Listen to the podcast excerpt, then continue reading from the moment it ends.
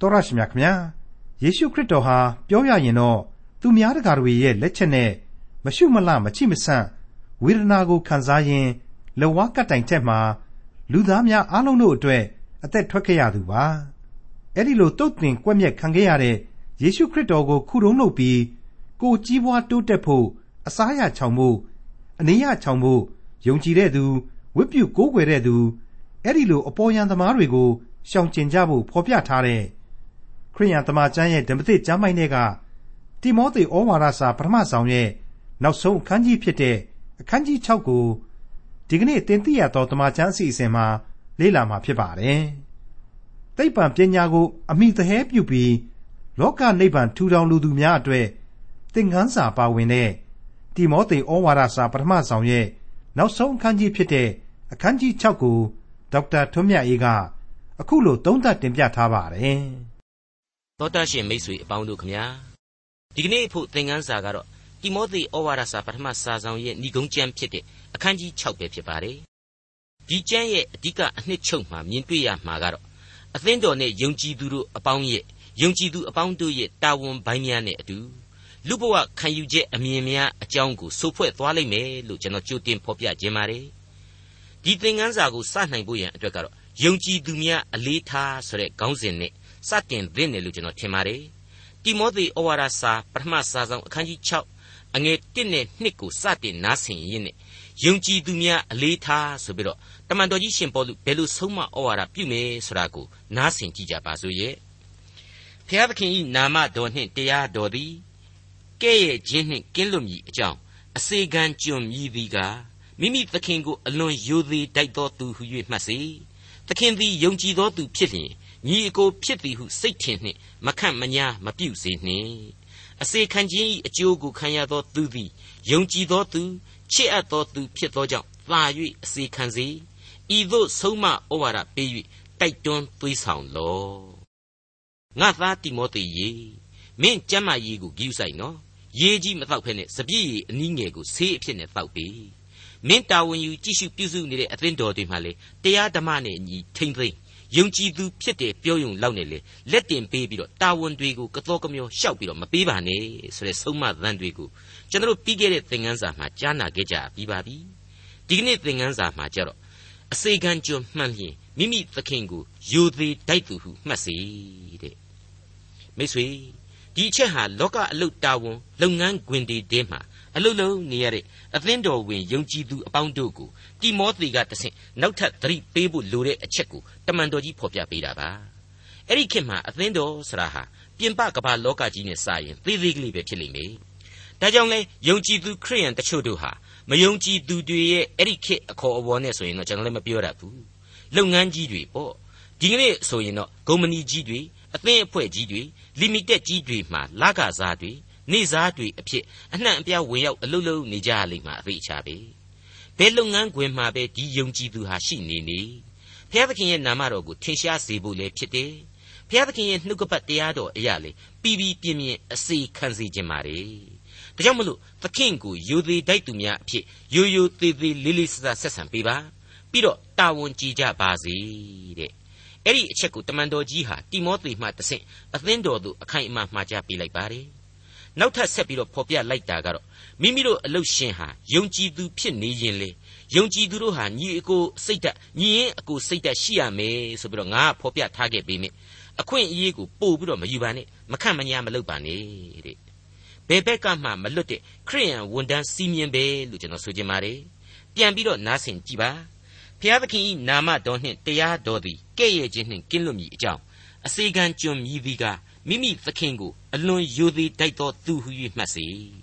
သခင်သည်ယုံကြည်သောသူဖြစ်လျင်ညီအကိုဖြစ်သည်ဟုစိတ်ထင်နှင့်မခန့်မညာမပြုစေနှင့်အစေခံခြင်း၏အကျိုးကိုခံရသောသူသည်ယုံကြည်သောသူချစ်အပ်သောသူဖြစ်သောကြောင့်သာ၍အစေခံစေ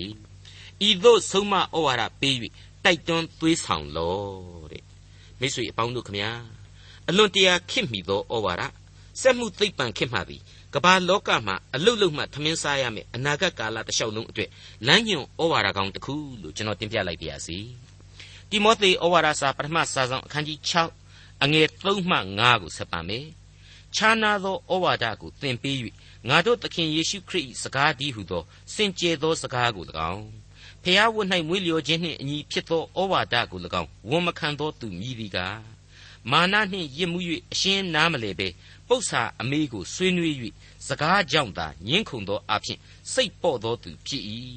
ထို့သောပြုလျင်ညူစုခြင်းရန်တွေ့ခြင်းသူ့အသရေကိုရှုံချခြင်းမနာလိုသောကြံစီခြင်းစိတ်နှလုံးယိုယွင်း၍တမာတရားနှင့်ကင်းသောသူတို့၏အချီးနှီးဆွေးနွေးခြင်းဖြစ်တတ်၏ဖျားဝတ်၌မွေးလျော်ခြင်းသည်အကျိုးစီးပွားဖြစ်သည်ဟုသူတို့သည်စိတ်ထင်ကြ၏ထိုသို့သောသူတို့ကိုရှောင်လော့ ရုပ်ဝါဒကြီးအလွန်ထွန်းကားလာတော့အလုသမားလေသမားသို့မဟုတ်တူနဲ့တစင်တို့ကသာနိုင်ငံတော်တွေကိုဥဆောင်ရမယ်လူအဖွဲ့အစည်းကိုအလုသမားနဲ့လေသမားကသာအာဏာယူရမယ်ဆိုတဲ့အသံပလန်တွေဟာကမ္ဘာနိုင်ငံရေးအယူအဆများကိုလွှမ်းမိုးခဲ့ပြီးဖြစ်ပါတယ်အမှန်ကတော့အဲ့ဒီတူနဲ့ဒဇင်အမှတ်အသားတွေဟာကားရိုင်တော်အရေးမှသာရှိခဲ့ရင်ဘလောက်ကောင်းမလဲလို့ကျွန်တော်တွေးမိပါတယ်အကယ်၍သာလွန်ခဲ့သောနှစ်ပေါင်း90 100လောက်ကဖြစ်ပေါ်ခဲ့တဲ့အရင်းမဲ့တော်လှန်ရေးကြီးတွေ ပစ္စည်းမဲ့တော်လှန်ရေးအမိခံတဲ့ပြည်သူအာဏာသိမ်းပွဲကြီးတွေမတိုင်ခင်မှာကယ်တင်ရှင်သခင်ခရစ်တော်ရဲ့မြစ်တာတရားအကြောင်းကိုသာလူတွေရဲ့နှလုံးသားအစ္စထသရံတွေဟာပြည်ပြည်ပြင်းပြင်းဂဂနနလက်ခံခဲ့ကြမယ်နှုတ်ကပတ်တော်ကိုသာအဓိကလမ်းညွှန်ကြမ်းများအဖြစ်ခံယူနိုင်ခဲ့ကြမယ်ဆိုရင်ဘလောက်ကောင်းမလဲလို့ကျွန်တော်ဆက်ပြီးတွေးမိပါတယ်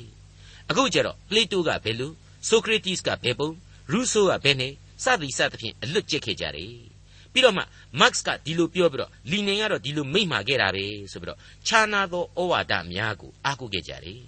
အဲ့ဒီမှာပဲလူအဖွဲ့အစည်းဟာစကြဲကသွေးချောင်းစီးပြီးတော့တသမတ်ထဲဒူးနဲ့မျက်ရည်သုတ်ခဲ့ရတယ်နောက်ဆုံးကျတော့အဲ့ဒီလိုပဲဒူးနဲ့မျက်ရည်သုတ်ရင်းပဲမျက်ရည်နဲ့မျက်ခွက်ဆိုသလိုခစ်ဆိုးကြီးတစ်ခုအဆုံးသတ်ခဲ့ရပါတယ်အဲ့ဒီတိုင်းမှာပဲအရင်ရှင်ဆိုတဲ့တိုးတက်ပါတယ်ဆိုတဲ့လူအဖွဲ့အစည်းကြီးအတွင်းမှာလေတိုးတက်လို့ကိုကိုဘုရားသခင်ကိုမေ့တယ်ကြီးပွားလို့ကိုကိုကိုကိုကိုအထင်ကြီးတယ် သစ္စာတရားကိုမရှာနိုင်တော့ဘဲနဲ့စီးစိမ်နောက်ကိုပဲကောက်ကောက်ပါအောင်လိုက်တယ်ဒီလူသားတွေအားလုံးအတွက်အခုတိမောသေဩဝါဒစာဟာ၆လှန့်နေတယ်လို့ကျွန်တော်ဆိုချင်ပါတယ်ဟုတ်ပါတယ်အငယ်၃ကနေအငယ်၅ရဲ့အပိုင်းကမှာအခုလိုဆိုဖွဲ့ထားတာကိုပြန်ပြီးတော့နားဆင်ကြည့်ကြပါခြားနာသောဩဝါဒကိုသင်ပေး၍ငါတို့သခင်ယေရှုခရစ်၏စကားဒီဟုသောစင်ကြယ်သောစကားကို၎င်းဖျားဝတ်၌မွေးလျော်ခြင်းနှင့်အညီဖြစ်သောဩဝါဒကို၎င်းဝန်မခံသောသူမည်သည်ကား မာနနှင့်ရစ်မှု၍အရှင်းနားမလဲပဲပု္ပ္ပာအမေးကိုဆွေးနွေး၍စကားကြောင့်သာညှင်းခုန်သောအဖြစ်စိတ်ပေါ့သောသူဖြစ်၏ထို့သောပြုလျင်ညူစုခြင်းရန်တွေ့ခြင်းသူ့အသရေကိုရှုံချခြင်းမနာလိုသောကြံစီခြင်းစိတ်နှလုံးယိုယွင်း၍တမာတရားနှင့်ကင်းသောသူတို့၏အချီးနှီးဆွေးနွေးခြင်းဖြစ်တတ်၏မိတ်ဆွေအဲ့ဒီအချက်တွေးဟာမလွဲသောတရားဖြစ်မှန်းကိုမဝေးကွာလှတဲ့လူနိုင်ငံရေးသမိုင်းဟာထင်ရှားစွာတက်တည်ပြခဲ့ပြီးပါပြီ အဲ့ဒီအခြေအနေဆိုကြီးတဲ့မှမှပို့ပြီးတော့ကြောက်စရာကောင်းနေတဲ့အချက်ကတော့ငါတို့ကတော့ဟေးဖျားသခင်ကိုဘယ်တော့မှမမေ့ဘူးကွာဖျားဝန်နိုင်မွေးလျော်တဲ့နိုင်ငံဖျားသခင်ကိုကိုးကွယ်တဲ့လူအဖွဲ့အစည်းဒါကြောင့်မလို့ဘယ်တော့မှလည်းတို့မစင်းရဲနိုင်ဘူးဘာသာတရားကိုလေးစားလေးလေးငါတို့ကတော့ကြီးပွားတိုးတက်လေးလေးပဲဆိုတဲ့ကိုကိုကိုအထင်ကြီးနေတဲ့လူအဖွဲ့အစည်းကြီးတွေနိုင်ငံကြီးတွေလည်းရှိနေပါသေးတယ်အနှစ်သာရမဲ့တဲ့အပေါ်ယံယုံကြည်ခြင်းတွေယုံကြည်ခြင်းကိုကပဲမာနသဘောနဲ့ ပြောလို့ကောင်းလို့ပြောလာတဲ့စကားအဖြစ်သုံးဆွဲတဲ့လူတွေကိုလည်းကြက်ကြက်သတိထားတွားပြီးတော့မင်းတို့မပေါင်းနဲ့တဲ့တမန်တော်ကြီးကတော့ရှင်းရှင်းပဲအဲ့ဒီတိုင်းမှားလိုက်ပါလေဒါကမှတခါဆက်ပြီးတော့ရှင်းပြလိုက်တာဟာအံ့ဩစရာကောင်းလောက်အောင်ထိထိမိမိရှိတယ်လို့ကျွန်တော်ဆိုချင်ပါတယ်တိမောသေဩဝါဒစာပထမစာဆောင်အခန်းကြီး6အငယ်6နဲ့9ရောင်ရဲသောစိတ်ပါလျင်ဖျားဝတ်၌မွေ့လျော်ခြင်းသည်ကြီးစွာသောအကျိုးစီးပွားမှန်၏ အကြောင်းမူကားငါတို့သည်ဤလောကတဲသို့အဘယ်အရာမျှမပါဘဲလာသည်ဖြစ်၍ထွက်သွားလျင်လေအဘယ်အရာကိုမျှယူ၍မသွားနိုင်ဟုထင်ရှားလျက်ရှိ၏သိပ်ပြီးရှင်းနေတာပါပဲစောစောကဖျားဝတ်မှာမွေ့လျော်တယ်ဆိုတာဟာဖျားသခင်ကိုခုတုံးလုပ်ပြီးတော့ကိုကြီးပွားဖို့တိုးတက်ဖို့ဆိုတာကိုရှာတာကိုအနေချောင်ဖို့မွေးမြူတဲ့ယုံကြည်ခြင်းတရားပဲဝတ်ပြုကိုးကွယ်ခြင်းပဲအဲ့ဒါကိုတမန်တော်ကြီးညွှန်ပြလိုက်ပါလေ ဒါကြောင့်မလို့လေအဲ့ဒီအပေါ်ယံသမားတွေကိုရှောင်ကျင်ကြဆိုပြီးတော့ဖော်ပြခဲ့တယ်ဆိုတာကိုနားလည်လာရပါတယ်အမှန်တော့ရောင်ရဲတင်းတိမ်တတ်တဲ့စိတ်နဲ့ဘုရားသခင်ကျေးဇူးကိုသိမှတ်လျက်ဝတ်ပြုကိုးကွယ်ခြင်းသာလျှင်အကောင်းဆုံးဘုရားဝတ်ပြုမွေ့လျော်ခြင်းမှန်ကန်မှုဖြစ်တယ်အဲ့ဒီကိုးကွယ်ဝတ်ပြုခြင်းအပြင်သာလျှင်ကြီးစွာသောအကျိုးစီးပွားဖြစ်လိမ့်မယ်တဲ့ကျွန်တော်အနေနဲ့ကြီးစွာသောအကျိုးစီးပွားကိုမှန်ကန်သောအကျိုးစီးပွားလို့လေခေါ်နိုင်တယ်လို့ဖြည့်ဆွက်ပါရစေ ဒါမှအတိတ်ဘယ်ကပို့ပြီးတော့လွယ်လွယ်ကူကူနဲ့သဘောပေါက်နိုင်မှာဖြစ်လို့ပါဟုတ်ပါတယ်လောကီလောကုတ်တရားအကျိုးစီးပွားဆိုတာဟာအဲ့ဒါမှအမှန်ပဲရှင်မသက်ခရစ်ဝင်ကျမ်းအခန်းကြီး6အငယ်31ကနေ34မှာကယ်တင်ရှင်သခင်ခရစ်တော်ကိုယ်တော်တိုင်ဖော်ပြပေးခဲ့တဲ့ဘယ်အရာဟာအဓိကလဲဆိုတဲ့တရားသဘောကိုခံယူနိုင်သူတွေအဖို့အခုတိမောသေဩဝါဒစာအဆုံးအမတွေဟာအတိတ်ပဲလွယ်ကူလာပြီအလွန်အလွန်ပြည်ပြင်းတဲ့အဆုံးအမတွေအဖြစ်ပေါ်လွင်လာပြီလို့ကျွန်တော်ဆိုချင်ပါတယ် အဲ့ဒီရှင်မသက်ခရစ်ဝင်ကျမ်းအခန်းကြီး6မှာအငယ်31ကနေ34အတွင်အခုလိုဖော်ပြထားပါတယ်ထို့ကြောင့်အဘယ်သို့စားသောက်ရအံ့နည်းအဘယ်သို့ဝိရအံ့နည်းဟု၍မစိုးရင်ကြနှင့်ထိုအရာများကိုသာသနာပလူတို့သည်ရှာဖွေတတ်ကြ၏ထိုအရာများကိုသင်တို့သည်အသုံးလိုကြောင်းကိုကောင်းကင်ဘုံ၌ရှိတော်မူသောသင်တို့အဖသည်သိတော်မူ၏ဘုရားသခင်နိုင်ငံတော်နှင့်ဖြောက်မှတ်ခြင်းတရားတော်ကိုရှေးဥစွာရှာကြလော့နောက်မှထိုအရာများကိုထပ်၍ပြီးတော်မူလတံ ထိုကြောင့်နက်ဖြန်အဖို့မစိုးရင်ကြနှင့်နက်ဖြန်နေ့သည်မိမိအဖို့စိုးရင်လိမ့်မည်ယခုနေ့၌ရှိသောမကောင်းမသင့်သောအရာသည်ယခုနေ့ဖို့လောက်ပေ၏မိတ်ဆွေလောကီဆွဲလန်းခြင်းတွေကိုဖက်တွယ်ပြီးတော့ဘုရားသခင်ကိုအမှန်ဝတ်ပြုဖို့ဆိုတာဟာဗရာတလန်တန်တလန်ပဲလို့ကျွန်တော်ဆိုချင်ပါတယ်။ဘာပဲဖြစ်ဖြစ်အခုတိမောသေဩဝါဒစာဟာလဲဆုံးမတဲ့နေရာမှာလူသဘာဝထတရားကိုတော့မဆန့်ကျင်ပါဘူး။ အခုဆိုရင်ရှင်မသက်ခရစ်ဝင်မှာတင်ခရစ်တော်ကိုယ်တော်တိုင်ဖော်ပြခဲ့တဲ့အချက်ဖြစ်တဲ့ကောင်းကင်နိုင်ငံတော်ကိုရှာဖွေကြလောဆိုတဲ့ဦးစားပေးအဆင့်တစ်ကိုအဆင့်တစ်နေရာမှာသာထားပါဆိုတဲ့သဘောကိုသာတိမောသေဩဝါဒစာဟာထပ်ဆင့်ဖော်ပြပေးလိုက်တယ်လို့ပါပဲဒါကိုတိမောသေဩဝါဒစာပထမစာဆောင်အခန်းကြီး6အငယ်8မှ10ဟာဆက်လက်အတီးပြုတ်ပေးလိုက်ပြန်ပါပြီတို့ဖြစ်၍စားရန်ဝတ်ရန်ရှိသမျှနှင့်ရောင်ရဲလျက်နေကြကုန်အံ့ ငွေရတက်ခြင်းဟာအလိုရှိသောသူတို့သည်အပြစ်သွေးဆောင်ခြင်းဖမ်းမိခြင်းမိုက်မဲဖျက်ဆီးတတ်သောတတ်မဲ့ခြင်းများတည်းသို့ကြာရောက်တတ်ကြ၏ထို့သောသောအဖြစ်လူတို့သည်အကျိုးနေခြင်းပျက်စီးခြင်း၌နှင်မွန်းတတ်ကြ၏အကြောင်းမူကားငွေကိုတတ်မဲ့ခြင်းသည်မကောင်းသောအမှုအပေါင်းတို့တွင်မူလအမြစ်ဖြစ်သည်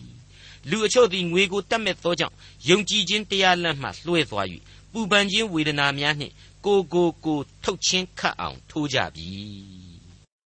ကြားရတာနဲ့ကိုနားမချမ်းသာပါဘူးနော်တခုတော့ရှိလေရဲ့တမာအာဇီဝကောင်းသောအသက်မွေးမှုနဲ့ချမ်းသာကြီးပွားလာတဲ့လူတွေကတော့ဒီအချက်တွေကမဟုတ်သေးပါဘူးကွာငါတို့အဖို့ကတော့အကျိုးလည်းမနှဲခဲ့ဘူးပြက်လည်းမပြက်စီးခဲ့ဘူးချမ်းလည်းချမ်းသာလာတယ်စသည်စသဖြင့်ပေါ့စိတ်မကောင်းများဖြစ်သွားကြလေမလားလို့ကျွန်တော်တွေးပါတယ်အခုတမန်တော်ကြီးပြောတာကလေအဲ့ဒီလိုလူတွေကိုမရည်စူးပါဘူးမှန်ပါတယ်နစ်မွန်းတတ်ကြ၏တက်မဲ့ချင်းတဲ့မှာကြာရောက်တတ်ကြ၏တဲ့ အဲ့ဒီလိုဆိုထားကြတဲ့ကလူတိုင်းမဟုတ်ဘူးဆိုတာရှင်းနေပါလေငွေကိုရှာတယ်မြင့်မြင့်မြင့်မြတ်သုံးဆွဲတယ်ထိုက်ထိုက်တန်တန်လှူဒန်းတယ်တစ်တပင်ကောင်းတော့ငှက်တစ်ပေါင်းနားနိုင်တယ်ဆိုရလောက်အောင်ကိုကြွယ်ဝချမ်းသာခြင်းကိုအများအတွက်အသုံးပြုနိုင်တယ်ဆိုရင်ဒါဟာသိကောင်းပါလေကို့မှာပိုက်ဆံမရှိတိုင်းတလောကလုံးကိုအဆိုးမြင်နေတဲ့ပစ္စည်းမဲ့ဒေါသသမားတွေနဲ့ပါဆိုင်တော့အငယ်30မှာအဲ့ဒီသဘောတရားကိုဆက်ပြီးတော့ရှင်းဆိုထားပါတယ်အကြောင်းမူကားငွေကိုတတ်မဲ့ခြင်းသည် မကောင်းသောအမှုတို့တွင်မူလအမြင့်ဖြစ်သည်တဲ့ရှင်းနေပါပြီကောင်းသောအမှုကိုတတ်မဲ့လို့သာငွေရှာတာကောင်းမှုလုပ်ခြင်းလို့ငွေကိုရှာတာကြွားခြင်းလို့မဟုတ်ဘူးငွေကိုတတ်မဲ့ဆွဲလန်းလို့မဟုတ်ဘူးငွေကိုကိုးကွယ်ခြင်းကြောင့်လည်းမဟုတ်ဘူးဒါဆိုရင်ဒါဟာအခုဖော်ပြချက်နဲ့ကင်းလွတ်နေပြီလို့ကျွန်တော်ခံယူပါတယ် အဲ့ဒီလိုသဘောသဘောမျိုးမဟုတ်ဖ ೇನೆ ဒီငွေကိုသာတန်တန်ဆွဲတတ်မဲ့ဆွဲလန်းနေမယ်ဆိုရင်တော့ဖျားသခင်နဲ့တောင်ဝေးကွာသွားကြရလိမ့်မယ်ဆိုတာကိုသာတမန်တော်ကြီးဟာတိမောသေမှတဆင့်သတိပေးလိုက်ခြင်းဖြစ်ပါတယ်ဒါကြောင့်အစွန်းရောက်သောအတွေးအခေါ်နဲ့ဆုံးမခြင်းမဟုတ်ပါဘူးယုံကြည်ခြင်းသွေဖီ၍ပူပန်ခြင်းများစွာခံစားရခြင်းအပြင်ကိုကိုကိုထုတ်ချင်းခတ်အောင်ထိုးတယ်လို့ဖြစ်ကုန်ကြရလိမ့်မယ်တဲ့ဒီသတိပေးချက်အပိုင်းကိုရောက်ပြန်တော့လေ ကျွန်တော်ဟာရှင်မသက်ခရစ်ဝင်ကျမ်းအခန်းကြီး6မှာပဲဖော်ပြပေးခဲ့တဲ့ခရစ်တော်ရဲ့အဆုံးအမတစ်ခုကိုဆက်ပြီးတော့သတိရမိပြန်ပါတယ်ဒါကတော့စောပိုင်းဖတ်ခဲ့တဲ့ကျမ်းရဲ့အထက်နားမှာပါဝင်ပါတယ်ရှင်မသက်ခရစ်ဝင်ကျမ်းအခန်းကြီး6အငယ်16က29အတွင်ဖော်ပြချက်ဖြစ်ပါတယ်နားဆင်ကြည့်စီခြင်းပါတယ်တန်ချေပိုးရွဖြစ်စည်း၍တခိုးထွင်းဖောက်ခိုးယူရာမြေကြီးပေါ်မှဗန္တာကိုမစီးဘူးကြနှင့် တန်ချေပိုးရွမဖြစ်စည်း၍တခိုးမထွင်းမဖောက်မခိုးမယူရာကောင်းကင်ဘုံ၌ဗန္တာကိုစီးဘူးကြလော့အကြောင်းမူကားအကျင့်အရ၌သင်တို့၏ဗန္တာရှိထိုအရက်သို့သင်တို့၏စိတ်နှလုံးရောက်တတ်၏မျက်စိကကို၏စီမီဖြစ်ထို့ကြောင့်မျက်စိကြည်လင်လျင်တကိုယ်လုံးလင်းလိမ့်မည်မျက်စိမြှေးရှက်လျင်တကိုယ်လုံးမိုက်လိမ့်မည်သင်၏အလင်းတော်ကမှောင်မိုက်ဖြစ်လျင်ထိုအမိုက်သည်အလွန်မိုက်စွာတကားအဘယ်သူမျှသခင်နှစ်ဦး၏အစေကိုမခံနိုင် သခင်တဦးကိုမုံ၍တဦးကိုချစ်မည်သခင်တဦးကိုမိခို၍တဦးကိုမခန့်မညာပြုမည်သင်တို့သည်ဖျားသခင်အစေကို၎င်းလောကီစည်းစိမ်၏အစေကို၎င်းမခံနိုင်ကြ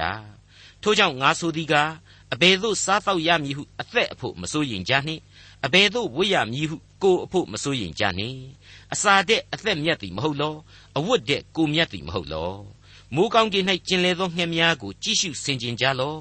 ထိုငှက်တို့သည်မျိုးစေ့ကိုမဆိုင်မကျဲ စပားကိုမရိပ်ကြည်၌မစုမသွင်းသို့တော်လည်းကောင်းငင်ဘုံ၌ရှိတော်မူသောသင်တို့အဖသည်သူတို့ကိုကြွေးမွေတော်မူ၏ထိုငှက်တို့တဲ့သင်တို့သည်အလွန်မြတ်သည်မဟုတ်လောအဘယ်သူသည်စိုးရင်ခြင်းအဖြစ်မိမိအသက်တာကိုတဒေါင်ကန့်မြတိုးပွားစေနိုင်သနည်းဟုတ်ပါတယ်မိတ်ဆွေဒီအချက်အပြင်တမန်တော်ကြီးရှင်ပေါလုဟာကောလောသဲဩဝါဒစာမှာမြေကြီးအရာတွေတဲ့ကောင်းကင်အရာတွေကိုသာမျှော်ကြည့်ကြပါဆိုတဲ့ အလွန်ကောင်းမွန်တဲ့ဩဝါဒကိုပြုခဲ့ပါသေးတယ်ကောလောသဲ3အငယ်1မှ4အတွင်မှပြန်ကြည့်ပါအထက်ဆိုခဲ့ပြီးသည့်အတိုင်းသင်တို့သည်ခရစ်တော်နှင့်အတူထမြောက်ကြသည်မှန်လျင်ဘုရားသခင်လက်ရတော်ဘက်မှခရစ်တော်သည်ထိုင်နေတော်မူရာအရ၌ရှိသောအထက်အရာတို့ကိုရှာကြလော့မြေကြီးပေါ်မှာရှိသောအရာတို့ကိုဆွဲလန်းသောစိတ်မရှိကြနှင့်အထက်အရာတို့ကိုသာစိတ်ဆွဲလန်းခြင်းရှိကြလော့အကြောင်းမူကားသင်တို့သည်သေသောသူဖြစ်၍ သင်တို့အသက်သည်ခရစ်တော်နှင့်အတူဘုရားသခင်၌ပွက်ထားလျက်ရှိ၏ငါတို့အသက်ကြီးဟုသောခရစ်တော်သည်ထင်ရှားတော်မူသောအခါငါတို့သည်လည်းထိုသခင်နှင့်အတူဘုံကြီး၍ထင်ရှားကြလတံမိတ်ဆွေအပေါင်းတို့ခမညာမုတ်ဆိုးမတရားများလားဆိုပြီးတော့တွေးရလောက်အောင်အခန်းကြီး9မှာမုတ်ဆိုးမတို့နဲ့ပတ်သက်တဲ့အကြောင်းတွေကိုအသေးစိတ်ရေးထားတော့ဒါဟာမုတ်ဆိုးမကိုခေါင်းစဉ်တက်ပြီးတော့မုတ်ဆိုးမတွေအကြောင်းကိုကြည့်ပဲဖော်ပြခြင်းနာမဟုတ်ဘူး ဘုရားသခင်နဲ့ဝေးကွာနေတတ်တဲ့အသင်းတော်လူအဖွဲ့အစည်းတစ်ခုလုံးကိုဥတီရည်ညွှန်းလိုက်တာပဲဆိုတဲ့အချက်ကိုခံယူကြဖို့ကျွန်တော်တင်ပြခဲ့ပါသေးတယ်အခုအခန်းကြီး6မှာတွေ့ရတဲ့ငွေတက်မဲ့မှုတရားဆိုတာဟာလေဒီလိုပဲပေါ့ငွေကိုခေါင်းစဉ်ထိုးထားတာမှန်တယ်ဒါပေမဲ့လောကဆွဲလန်းတတ်မဲ့ခြင်းတွေအလုံးစုံတို့ကိုရည်ညွှန်းဖော်ပြနေတယ်လို့ကျွန်တော်ခံယူတိုက်ပါတယ်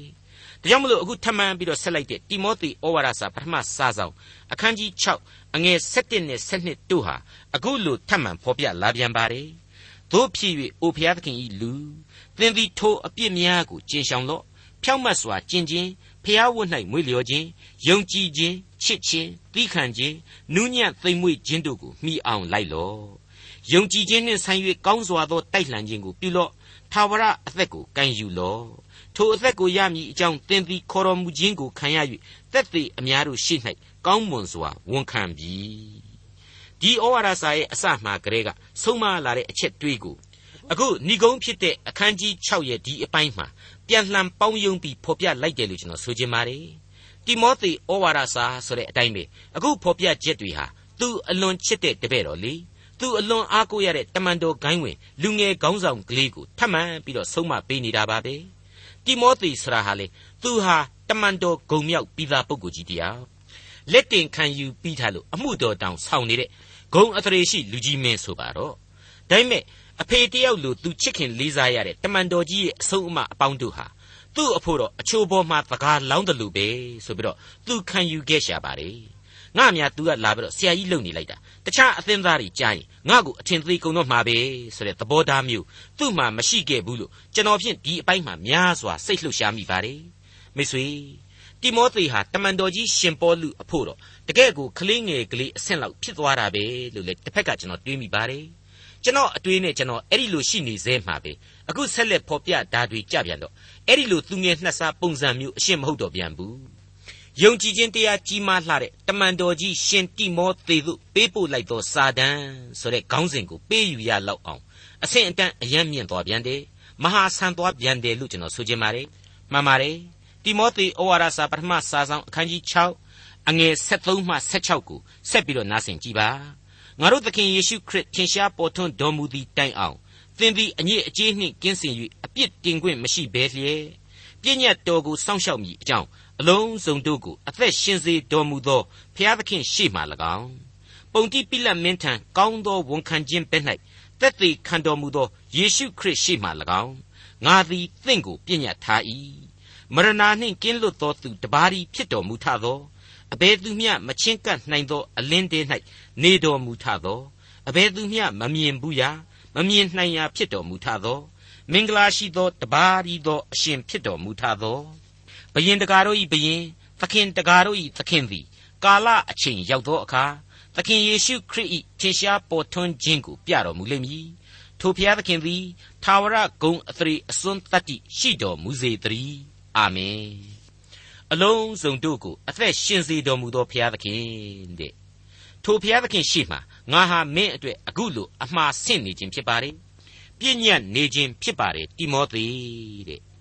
အလုံးစုံတို့ကိုအသက်ရှင်စေတော်မူသောဖျားသခင်လို့ဒီနေရာမှာဆိုထားတော့ဘာကြောင့်အသက်ရှင်စေနိုင်သောတကူနှင့်ပြည့်စုံပါသလဲမရဏနှင့်ကင်းလွတ်သောသခင်ဖြစ်နေလို့ပါပဲပြီးတော့တပါးရီသောသခင်လည်းဖြစ်တယ်ဘယ်သူမှမချင်းကပ်နိုင်တဲ့အလင်းတရားထဲမှာနေတော်မူတယ်အဘယ်သူမျှမမြင်ဘူးရဖြစ်တယ်ဘယင်တကာတို့ရဲ့ဘယင်သခင်တကာတို့၏သခင်ဖြစ်တယ်အဲ့ဒီဘုရားသခင်ဟာအချိန်ကာလဆက်ရောက်တဲ့အချိန်မှာ သခင်ယေရှုခရစ်ထင်ရှားပေါ်ထွန်းခြင်းကိုပြတော်မူလိမ့်မည်ထိုဘုရားသခင်သည်သာဝရဂုံအသရေအစွန်းတတ္တိရှိတော်မူစေတည်းတဲ့တမန်တော်ကြီးအဲ့ဒီလိုဖော်ပြလိုက်ပါတယ်ဒီအပိုင်းမှာတပါးရီဖြစ်တော်မူထသောအလင်းထဲမှာနေတော်မူထသောမမြင်ဘူးရာမမြင်နိုင်ရာဖြစ်တော်မူထသောမင်္ဂလာရှိသောတပါးရီသောအရှင်ဖြစ်တော်မူထသောဆိုတဲ့ဝိသေသလက္ခဏာတွေကိုတွေ့ရတဲ့အခါကျတော့ 136ခုမြောက်သောဆာလံကိုကျွန်တော်သတိရအောင်မိစရာဖြစ်ပါတယ်အဲ့ဒီဆာလံတေးရဲ့အစပိုင်းတွေမှာအခုလိုကျွန်တော်မြင်နိုင်ပါတယ်ထာဝရဘုရားသည်ကောင်းမြတ်တော်မူ၍ဂရုဏာတော်အစဉ်အမြဲတည်သောကြောင့်ဂုံကျေးဇူးတော်ကိုချီးမွမ်းကြလော့ဖျားတို့၏အရှင်ဖျားသခင်၏ဂိယုနာတော်အစဉ်အမြဲတည်သောကြောင့်ဂုံကျေးဇူးတော်ကိုချီးမွမ်းကြလော့အရှင်တို့၏သခင်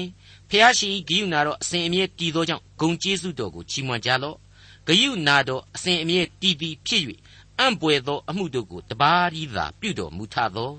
ဂယုနာတော်အစဉ်အမြဲတည်တည်ဖြစ်၍ပညာတရားအတိုင်းကောင်းကင်ကိုဖန်ဆင်းတော်မူထသောဂယုနာတော်အစဉ်အမြဲတည်တည်ဖြစ်၍ရေပေါ်မှမြေကြီးကိုဖြန့်တော်မူထသောဂယုနာတော်အစဉ်အမြဲတည်တည်ဖြစ်၍အလင်းအိမ်ကြီးတို့ကိုဖန်ဆင်းတော်မူထသောဂယုနာတော်အစဉ်အမြဲတည်တည်ဖြစ်၍နေကိုအုပ်ဆိုးသောနေကို၎င်း ဂယုနာတော်အစဉ်အမြဲတည်တည်ဖြစ်၍ညကိုအုပ်ဆိုးသောလနှင့်ကြယ်များကို၎င်းဖန်ဆင်းတော်မူထသောတဲ့အဲ့ဒီလိုဖော်ပြထားခြင်းဖြစ်ပါတယ်အဲ့ဒီ136ခုမြောက်သောဆာလံရဲ့ဏိဂုံးမှာကျတော့အခုလိုပါဂယုနာတော်အစဉ်အမြဲတည်တည်ဖြစ်၍ခသိန်းသောတတ္တဝါတို့ကိုကျွေးမွေတော်မူသောကောင်းကင်ဘုံ၏အရှင်ဖျားသခင်၏ဂယုနာတော်သည်အစဉ်အမြဲတည်သောကြောင့်ဂုံကျေးဇူးတော်ကိုချီးမွမ်းကြလော့တဲ့မိတ်ဆွေအပေါင်းတို့တ မန်တော်ကြီးရှင်ပေါလုဟာအမြဲတမ်းပဲကျေးဇူးတော်ကိုချီးမွမ်းသူဆုတောင်းသူဖျားသခင်နဲ့သခင်ခရစ်တော်ရဲ့နာမတော်ကိုခိုလှုံသူနာမတော်မြတ်၌သာအမှုတော်ကိုဆောင်သူဖြစ်ခဲ့ပါတယ်ယုံကြည်ခြင်းမျှော်လင့်ခြင်းချစ်ခြင်းတရားတို့နဲ့ပြည့်စုံသူဖြစ်တယ်ဆိုတဲ့အချက်တွေးကိုသူ့ရဲ့ဩဝါဒစာတွေဟာပြတ်သားစွာဖော်ပြပေးနေပါတယ်တိမောသေဩဝါဒစာဒုတိယစာဆောင်အခန်းကြီး6အငယ်16မှ19ကိုဆက်ပြရစီဤဘဝ၌ငွေရတတ်သောသူတို့သည် မာမာနစိတ်နှင့်ကင်းလွတ်၍မမြဲသောစည်းစိမ်ကိုမကိုးစားဘဲငါတို့ခံစားဖို့ရအလုံးစုံတို့ကိုကြွယ်ဝစွာပေးသနာတော်မူသောအသက်ရှင်တော်မူသောဘုရားသခင်ကိုကိုးစားရမည်အကြောင်းနှင့်သူတစ်ပါးအားကျေးဇူးပြုခြင်းကောင်းသောအကျင့်၌ကြွယ်ဝပြည့်စုံခြင်းစွန့်ကြဲခြင်းသောစေတနာစိတ်ရှိခြင်းအချင်းချင်းဆက်ဆံခြင်းမှန်သောအသက်ကိုဝင်စားလိုသောငါနောင်ဘဝ၌ကောင်းသောဗန္တာကိုမိမိတို့အဖို့စီးပူးခြင်းတို့ကိုပြုရမည်အကြောင်း ပြည့်ညတ်ထားလော့ငွေကိုတတ်မဲ့ခြင်းတရားဟာတကြော့ပြန်ပေါ်ထွက်လာပြန်ပါ रे အဲ့ဒါဟာလောကီဆွဲလန်းခြင်းအလုံးစုံကိုပြည့်ညတ်သောတရားအဖြစ်ကျွန်တော်ရှုမြင်သုံးသပ်ကြပါလို့ကျွန်တော်တင်ပြခဲ့ပြီးဖြစ်ပါတယ်ကျွန်တော်အထက်ကရှင်းလင်းဖော်ပြခဲ့တဲ့အတိုင်းငွေကိုတတ်မဲ့ခြင်းတသက်မဟုတ်ဘုရားသခင်နာမတော်အတွက်ကောင်းမှုမြတ်လို့ကောင်းကျိုးကိုတတ်မဲ့ခြင်းအပြင်သာငွေကိုရှာတဲ့တယ်ဒါဟာအပြစ်လုံးဝမရှိပါဘူး ဖျားသခင်ကိုယုံကြည်ကိုးကွယ်ခြင်းဝတ်၌မွေ့လျော်ဖို့သာအဓိကဆိုတာကိုဒီကျမ်းဟာဖော်ပြပေးခြင်းဖြစ်ပါလေဤဘဝ၌ငွေရတတ်သောသူတို့သည်မာမာနစိတ်နှင့်ကင်းလွတ်၍မမြဲသောစည်းစိမ်ကိုမကိုးစားဘဲငါတို့ခံစားဖို့ရာအလုံးစုံတို့ကိုကြွယ်ဝစွာပေးသနာတော်မူသောအသက်ရှင်တော်မူသောဘုရားသခင်ကိုကိုးစားရမည်အကြောင်းနှင့်တဲ့အဲ့ဒီလိုဖော်ပြထားပြီးသားပါပြီးတော့မှတခါသူတစ်ပါးအားကျေးဇူးပြုခြင်း ကောင်းသောအကျင့်၌ကြွယ်ဝပြည့်စုံခြင်းစွန့်ကြဲခြင်းသောစေတနာစိတ်ရှိခြင်းအချင်းချင်းဆက်ဆံခြင်းမှန်သောအသက်ကိုဝင်စားလိုသောငါနောင်ဘဝ၌ကောင်းသောဗန္တာကိုမိမိတို့အဖို့စီးပူးခြင်းတို့ကိုပြုရမည်အကြောင်းတဲ့အဲ့ဒီလိုဖော်ပြထားတာကိုရှင်းရှင်းလင်းလင်းတွေ့ကြရပြီဖြစ်ပါတယ်မိတ်ဆွေအပေါင်းတို့တိမောသေဩဝါဒစာပထမစာဆောင်ရဲ့ဩဝါဒတွေဟာပြီးဆုံးပါတော့မယ်အဲ့ဒီအပိသက်ချိန်မှာဆက်လက်ဖော်ပြရမယ်ဩဝါဒဟာဖြင့် သိပ္ပံပညာပေါ်မှာအမိသေးပြုပြီးတော့လောကနိဗ္ဗာန်ကြီးကိုတိဆောက်နေသူမျက်မှောက်ခေလူသားအားလုံးအတွက်အလွန်အရေးကြီးတဲ့သင်ခန်းစာပဲဖြစ်လာပါတယ်နားဆင်ကြည့်စေချင်ပါတယ်တိမောသေဩဝါဒစာပထမစာဆောင်အခန်းကြီး6အငယ်20နဲ့21ဏိဂုံးအိုတိမောသေသင်၌အထားသောအရာကိုစောင့်ရှောက်လော့တရားမဲ့ဖြစ်သောအချီးနှီးစကားပြောခြင်းကို၎င်းသိပ္ပံအတတ်ဟု၍ အလွဲခေါ်ဝေါ်သောသိပ္ပံအတတ်စီတာနှောက်ယှက်ခြင်းကို၎င်းရှောင်လော့ထိုသိပ္ပံအတတ်ကိုလူအချို့တို့သည်ဝန်ခံပြုစုသောအဖြစ်ယုံကြည်ခြင်းတရားလမ်းမှလွဲကြပြီသင်၌ကျေးဇူးတော်ရှိစေတည်းအာမင်ကျွန်တော်သင်သိရသောတမန်ကျန်အဖွဲ့အနေနဲ့ကတော့ဒီဆုတောင်းတန်ကိုမှီးပြီးတော့မိษွေယုံကြည်သူအားလုံးအတွက်ဆုတောင်းပေးရင်တိမောသေဩဝါဒစာပထမစာဆောင်ကိုနှုတ်ဆက်လိုက်ပါရစေ။အိုးယုံကြည်သူမိษွေအပေါင်းတို့ သင်တို့၌အထားသောအရာကိုစောင့်ရှောက်လော့တရားမဲ့ဖြစ်သောအချီးနှီးစကားကိုပြောခြင်းကို၎င်းသိပ္ပံအတတ်ဟု၍အလွဲခေါ်ပေါ်သောသိပ္ပံအတတ်မာမာနအထင်ကြီးပွေရာအနှောက်အယှက်အလုံးစုံတို့ကို၎င်းရှောင်လော့ထိုသိပ္ပံအတတ်ကိုလူအများစုတို့သည်အထင်ကြီးလွန်းစွာဖြင့်ဝန်ခံပြုစုရမှယုံကြည်ခြင်းတရားလမ်းမှလွဲလျက်ရှိကုန်ကြပြီမိษွေတို့၌ဤသို့မဖြစ်ကျေးဇူးတော်ကိုခံစားနားလေကြပါစေတည်းအာမင် ဒေါက်တာထွန်းမြတ်ရေးစီစဉ်တင်ဆက်တဲ့တင်ပြတော်တမချန်းအစီအစဉ်ဖြစ်ပါတယ်ခရိယန်တမချန်းရဲ့ဓမ္မသစ်ကျမ်းပိုင်းတွေကတိမောသေဩဝါဒစာပထမဆောင်ကို လေ့လာပြီးစီးခဲ့တဲ့နောက်မှာတော့တိမောသေဩဝါဒစာဒုတိယဆောင်ကိုဆက်လက်လေ့လာသွားမှာဖြစ်ပါတယ်နောက်တစ်ချိန်အစီအစဉ်မှာခရိယန်တမန်ကျမ်းရဲ့ဓမ္မသစ်ကျမ်းပိုင်းတွေကတိမောသေဩဝါဒစာဒုတိယဆောင်လေ့လာမှုဏ္ဍာန်းပိုင်းကိုစောင့်မျှော်နားဆင်နိုင်ပါတယ်။